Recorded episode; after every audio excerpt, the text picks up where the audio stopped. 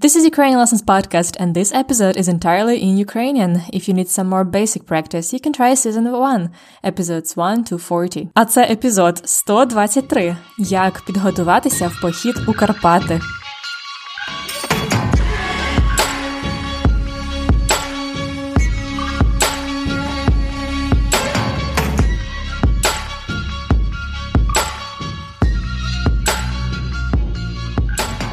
Привіт-привіт! Це Анна, ваша вчителька української з новим епізодом четвертого сезону подкасту Ukrainian Lessons. Цей сезон призначений для тих, хто вже давненько вивчає українську мову і вже готовий слухати на всі 100 українські тексти. І я б дуже хотіла у цьому сезоні почути вас на подкасті, тих, хто давно вивчає українську мову. Запишіть своє голосове повідомлення про те, хто ви, звідки ви, як ви вивчаєте українську, і, можливо, у вас є якісь питання до мене. Запишіть аудіо і надішліть мені на імейл anna собачка ukrainianlessons.com anna at ukrainianlessons.com А зараз серпень в Україні. Це найтепліший місяць року. Цього місяця багато українців їздять у відпустки, відпочивають на морі чи на дачі, а деякі українці люблять ходити в походи. Найчастіше це походи в Карпати, у гори.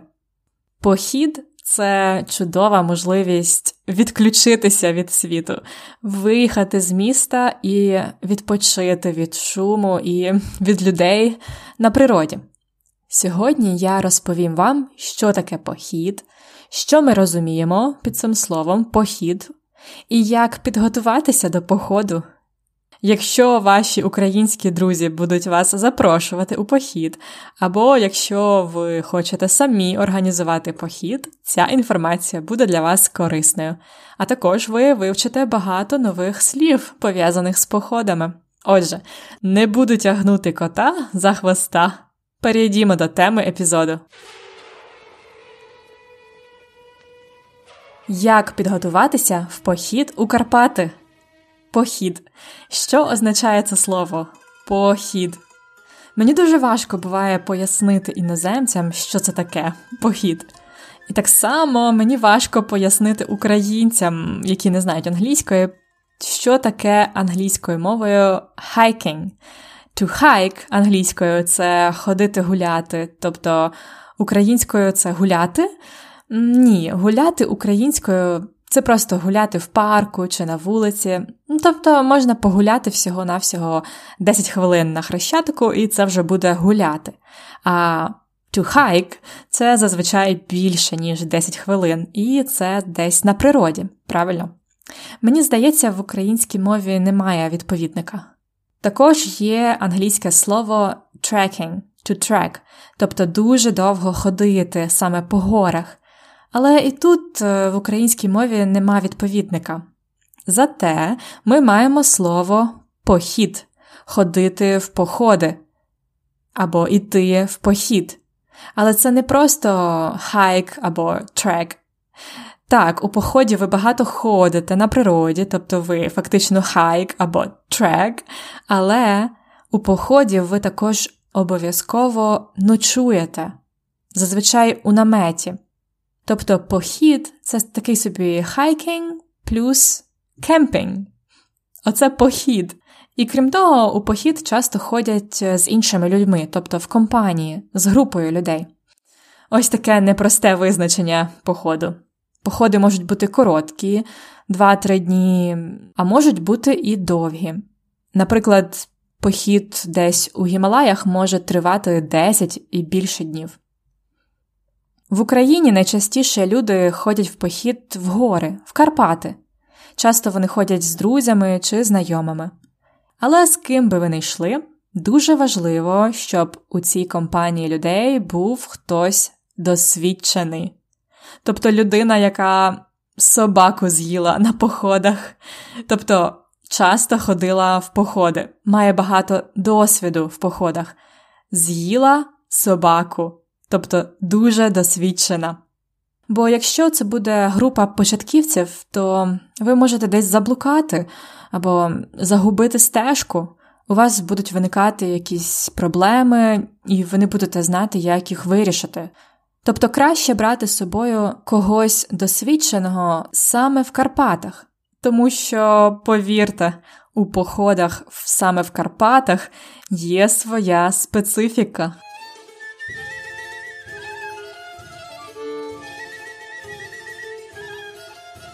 Отже, перше, що потрібно зробити, щоб піти в похід в Карпати, це знайти компанію.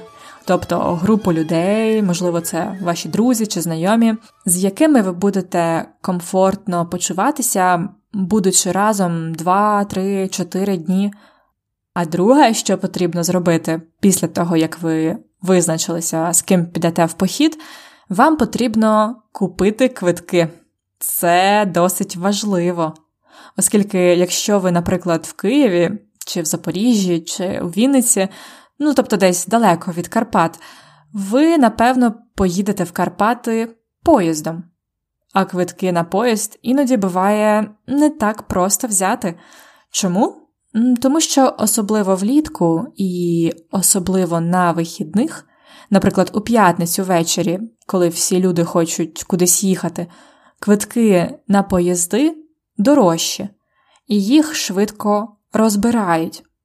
Тому краще купити квитки заздалегідь за 3-4 тижні до поїздки. Ну, в принципі, ви зможете купити квитки пізніше, але це буде важче зробити. І якщо у вас велика компанія, то ви будете розкидані по всьому поїзду. Тобто дві людини в одному вагоні, три в зовсім іншому і так далі. Тому краще купувати квитки заздалегідь, особливо якщо ви їдете в п'ятницю ввечері. Ви можете купити квитки онлайн на сайті Укрзалізниці. Раніше, пам'ятаю, купувати квитки було набагато проблематичніше. Треба було йти в касу, стояти в черзі, довго чекати, а квитків могло й не бути. Треба тоді було повертатися в інший день і знову чекати. Це було досить важко. А зараз набагато простіше, бо є онлайн-система, на якій можна купити квиточки. Далі, коли ви вже запланували дати походу, вам потрібно подивитися, яка може бути погода в ці дні. Найкраще, звичайно, йти в похід, коли тепло, влітку. Це липень і серпень. Це, мабуть, найкращі місяці, коли найтепліше і коли не так багато дощу. Також ви можете піти в похід в травні, в червні, вересні чи жовтні, тоді буде не так тепло, але і не дуже холодно. Ну а дощі це вже як пощастить. Річ у тім, що погода на заході України, а особливо в Карпатах, дуже мінлива, примхлива, непередбачувана. Її не можна передбачити. Тобто прогноз погоди показує сонечко, а насправді буде йти сильний дощ. Це типова гірська непередбачувана погода або мінлива погода, яка постійно міняється. Але все одно ви маєте перевірити, яка буде погода, хоча б приблизно, і відповідно до неї ви вибираєте одяг, який ви візьмете. Одягу треба брати по мінімуму. Тобто це десь дві футболки, одні шорти, якщо це літо, одні штани. А також обов'язково, навіть якщо це серпень і погода має бути тепла, пам'ятайте, що погода в Карпатах непередбачувана, тому обов'язково готуйтеся до холоду і дощу. Особливо, якщо ви ночуєте в наметі, вночі може бути холодно. Візьміть з собою теплий светр, наприклад, так званий флісовий светр. Він легкий, але теплий. Візьміть обов'язково шапку, а також візьміть теплі шкарпетки. Візьміть ще куртку, яка захищає від дощу і вітру, і окремо великий дощовик, так зване пончо яке повністю захистить вас від дощу. Це на той випадок, коли буде злива, злива, тобто дуже сильний дощ, то ви можете накинути на себе пончо і на себе і на рюкзак. І таким чином ви будете повністю захищені від дощу. І про всяк випадок, до речі, раджу вам взяти термобілизну. Термобілизна. Білизна це одяг, який ви вдягаєте під свій основний одяг. Наприклад, білизна це труси. А термобілизна це дуже тепла білизна. Вона дуже тонка і легка, але дуже тепла. І ви вдягаєте її під штани і під светр. Термобілизна буде тримати ваше тіло в теплі, навіть якщо буде 0 градусів чи мінус 5. І, звичайно, не забудьте про взуття, так зване похідне взуття для походу. Не беріть з собою взуття, у якому ви мало ходили. Це має бути так зване розношене взуття, тобто взуття, яке ви часто носили, ви його розносили. Так? Воно для вас тепер дуже зручне, і воно зручне саме для ваших ніг. І ви готові ходити в ньому багато-багато кілометрів. Це щодо одягу. Наступне, що вам потрібно підготувати, це спорядження.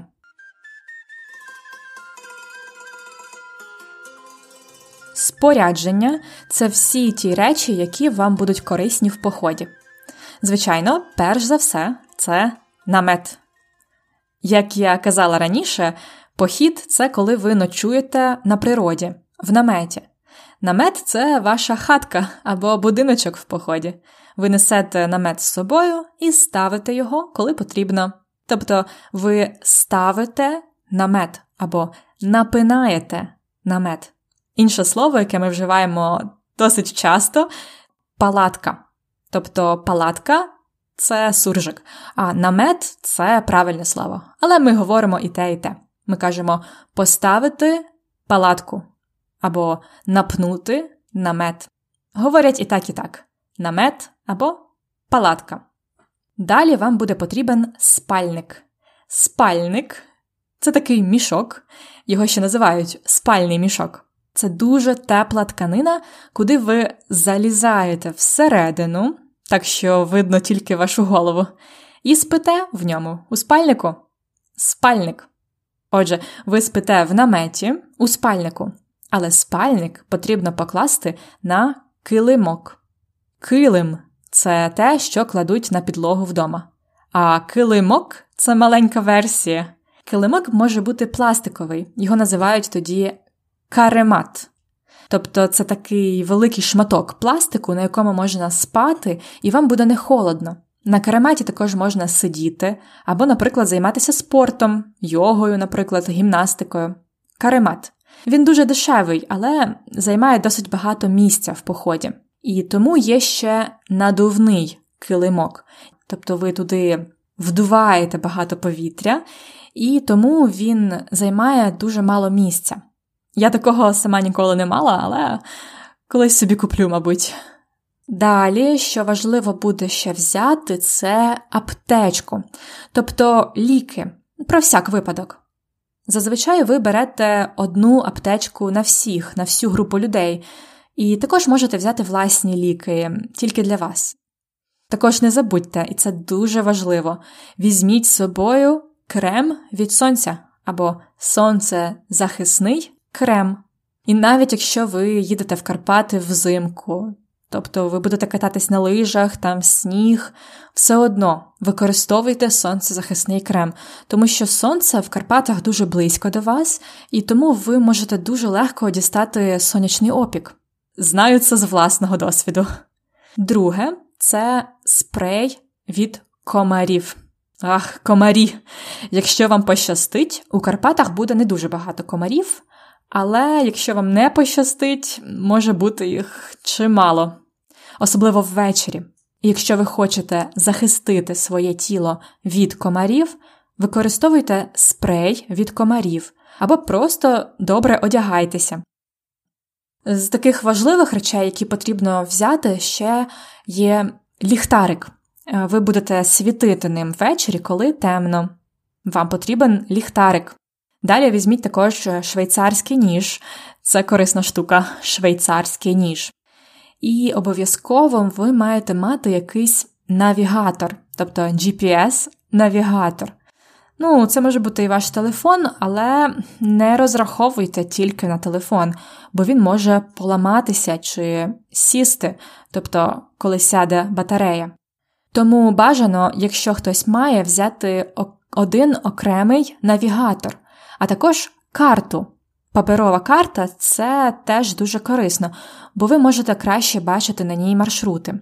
Ви можете купити паперові карти маршрутів у Карпатах у книгарні, тобто у книжковому магазині.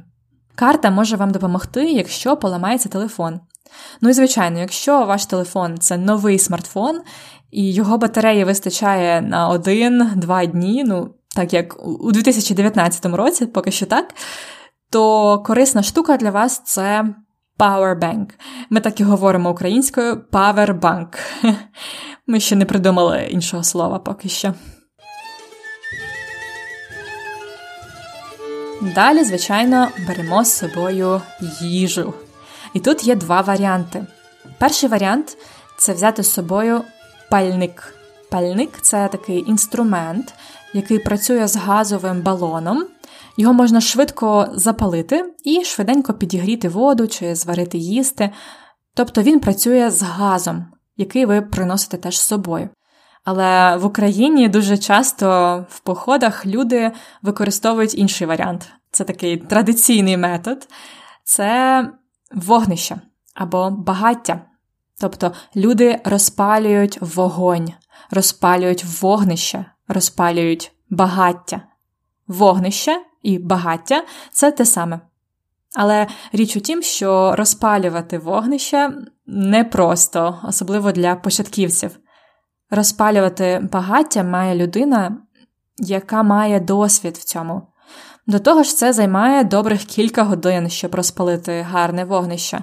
І треба дотримуватись техніки безпеки, добре загасити вогнище після себе, щоб не спричинити, не дай Бог, пожежу в лісі. Але якщо ви таки будете розпалювати багаття і готувати на вогні їжу, ви зможете скуштувати дуже смачні страви, які мають такий особливий похідний смак. Що ж зазвичай готують в Карпатах у поході? Українці традиційно беруть з собою в похід різні консерви і крупи. Наприклад, можна приготувати на вогні гречку з тушонкою. Гречка, я сподіваюся, ви знаєте, що це таке. Це наша українська суперїжа. А тушонка це консервоване м'ясо, тобто готове для вживання м'ясо в банці. Консерви дуже популярні в походах, бо їх не треба зберігати в холодильнику.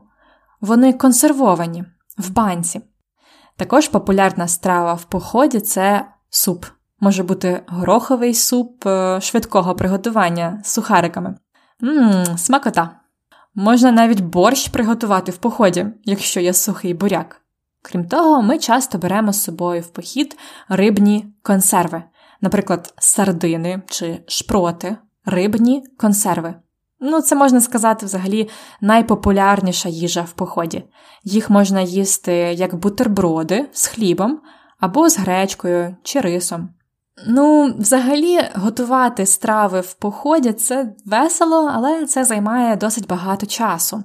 І зараз також є новітні сучасні страви, такі собі сухі сніданки чи сухі обіди, які можна просто залити водою, почекати 10 хвилин і їсти прямо з пакета. Я, чесно кажучи, фанат таких страв, особливо у подорожах. Але їжа, приготовлена на вогні, це також дуже смачно. Ну і крім того, добре взяти з собою перекуси, тобто снеки, це шоколад, сухофрукти, горішки, насіння, сухарики, кому що подобається. А якщо вам пощастить, і ви будете проходити біля полонини, де пасуться вівці, вівці такі пухнасті тваринки, які говорять бе вівці, то ви можете підійти до вівчарів, які пасуть овець тобто фермерів. І ви в них можете купити овечого сиру. Це такий справжній карпатський досвід, коли ви можете купити сир прямо у вівчарів, свіжий свіжий сир. Це було щодо речей, які вам треба підготувати в похід. Але і вам самим треба підготуватися до походу морально і фізично. Похід в Карпатах може тривати кілька днів. Ви будете дуже багато ходити, причому ходити вгору, вниз, по горах. І це вимагає досить таки великих фізичних зусиль, великої фізичної підготовки. Тому я рекомендую, якщо ви збираєтесь іти в похід, перед тим десь протягом місяця займайтеся спортом, бігайте, також присідайте. Такі прості присідання, тобто сіли, встали, сіли, встали. Це допомагає зробити ваші ноги сильними, щоб потім в горах, коли вам треба йти вверх, вниз, вверх, вниз, ваші ноги не боліли. Ну і останнє, як ми кажемо в Україні, підготуйте гарний настрій, готуйтеся до того, щоб пережити цікавий досвід, позитивні емоції. Можливо, у вас там можуть бути якісь проблемні ситуації, підготуйтеся до них також. І пам'ятайте, що похід в Карпати це може бути дуже весело і дуже цікаво. Але якщо до нього добре підготуватись і піти в нього з хорошими людьми. А якщо ви вже були в поході в Карпатах або збираєтесь піти в похід в Карпати, обов'язково надішліть мені фотографію з Карпат, добре? І ми будемо зараз переходити до наступного розділу подкасту, у якому я поясню вам ідіоми та фрази.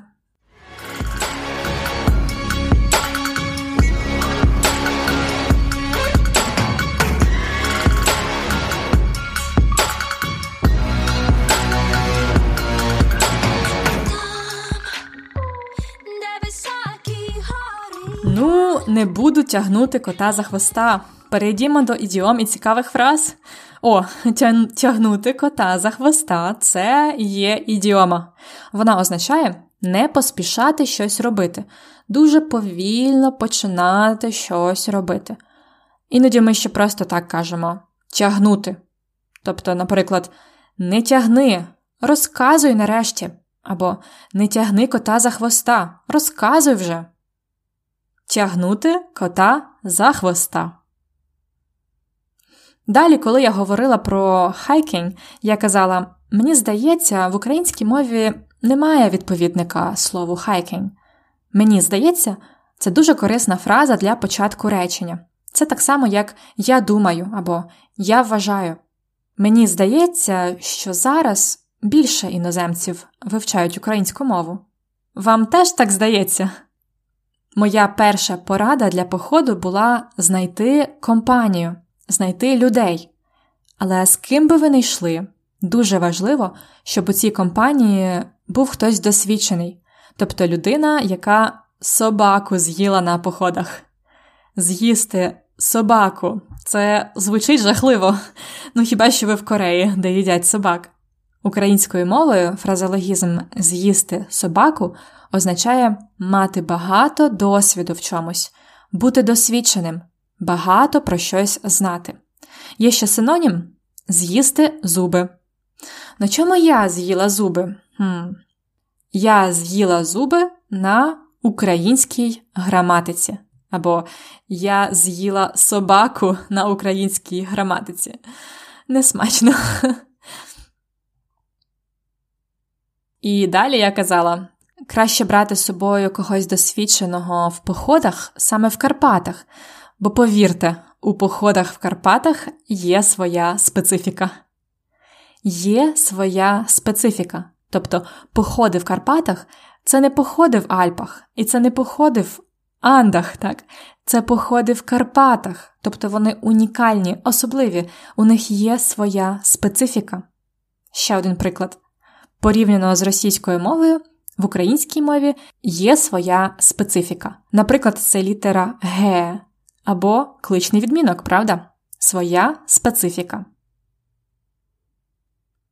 Коли я говорила про погоду, я казала, що в серпні буде тепло, а у травні холодніше. Ну а душі, душі це вже як пощастить. Це вже як пощастить. Ми говоримо так про ситуацію, яка залежить від нашої удачі, від нашого везіння. Ну, Це неможливо передбачити, як погода в Карпатах. Наприклад, про маршрутки в Києві. Маршрутка може приїхати через хвилину, а може і через 10 хвилин. Це вже як пощастить. Вони досить ненадійні, ці київські маршрутки. На тему погоди я також сказала річ у тім, що погода на заході України, а особливо в Карпатах, непередбачувана. Річ у тім або справа втім. Це хороший вираз, який е, ми вживаємо, щоб поєднати речення. Я не буду брати десерт. Річ у тім, що я намагаюсь не їсти солодкого. Угу. Далі про одяг в поході я казала, що одягу треба взяти по мінімуму, тобто дві футболки, одні шорти, одні штани. По мінімуму або мінімально, мінімальну кількість зовсім небагато. Ну, наприклад, я намагаюся вживати солодке по мінімуму. Це правда, але це мені не завжди вдається, особливо коли готує моя мама. Ще одна корисна фраза про всяк випадок. У похід треба взяти аптечку. Про всяк випадок. І ще про всяк випадок я вам раджу взяти термобілизну. Про всяк випадок. Про всяк дефіс випадок. Тобто на випадок, якщо треба буде. Можливо, термобілизна і не буде потрібна, бо буде тепло, але все одно візьміть про всяк випадок. Також я радила взяти навігатор і карту. Не розраховуйте тільки на телефон, бо він може поламатися. Не розраховувати на щось. Тобто не довіряйте, що щось буде працювати. Тобто майте план Б. Не розраховуй на цю маршрутку. Вона може не приїхати. Якщо за дві хвилини не буде, викликай таксі. Не розраховувати на. І останнє про вогнище, про вогонь. У лісі треба добре загасити після себе вогонь щоб, не дай Бог, не спричинити пожежу.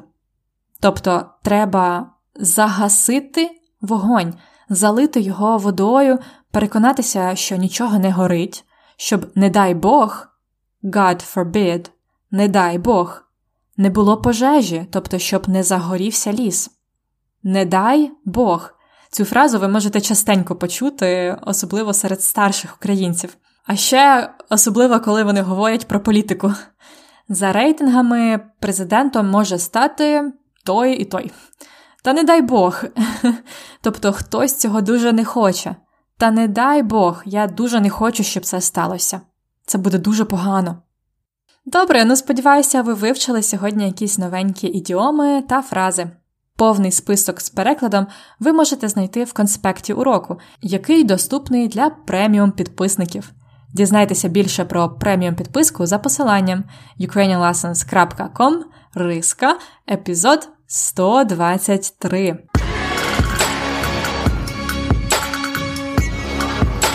Цікавинка з граматики.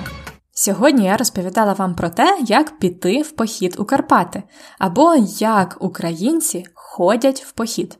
Пам'ятаєте різницю між іти піти і ходити? Іти в похід або піти в похід це один раз, тобто один конкретний похід. А ходити в похід це як хобі, як улюблене заняття українців. Мається на увазі часто ходити. Ми вживаємо дієслово ходити плюс в або у, або на, плюс знахідний відмінок. Ми так передаємо певну звичку, хобі або те, що ми регулярно робимо. Наприклад, ходити в церкву. Багато українських пенсіонерів ходять в церкву. В церкву, тому що це знахідний відмінок, жіночий рід, пам'ятаєте? Ходити в дитячий садочок. Її дочка вже ходить в садочок. ходити в гори. Кожного літа ми ходимо в гори, в Карпати. Якщо ми говоримо про місце, як Карпати, садочок, ми вживаємо прийменник у або в.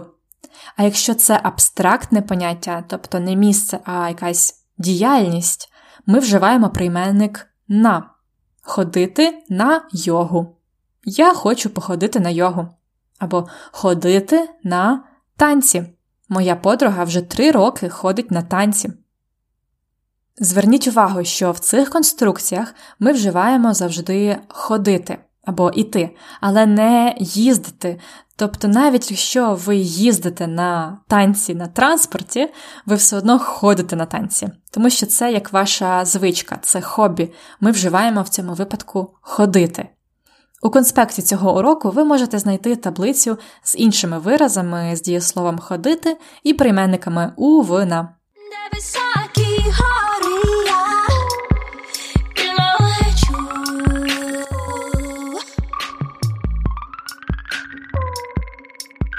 І це все на сьогодні. Тепер ви на всі сто готові до походу в Карпати. Але про всяк випадок не розраховуйте тільки на мої поради. Обов'язково ідіть в похід з кимось досвідченим, хто з'їв собаку на походах. Добре? А якщо до походу в Карпати чи наступної поїздки в Україну ви хочете покращити свою українську, підписуйтесь на мій подкаст і не пропустіть наступних епізодів.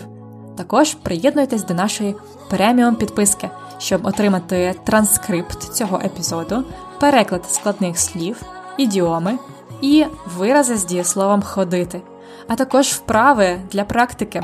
Дізнайтеся більше про преміум за посиланням ukrainianlessons.com риска епізод 123 ukrainianlessons.com риска епізод 123 А я прощаюся з вами до наступного епізоду.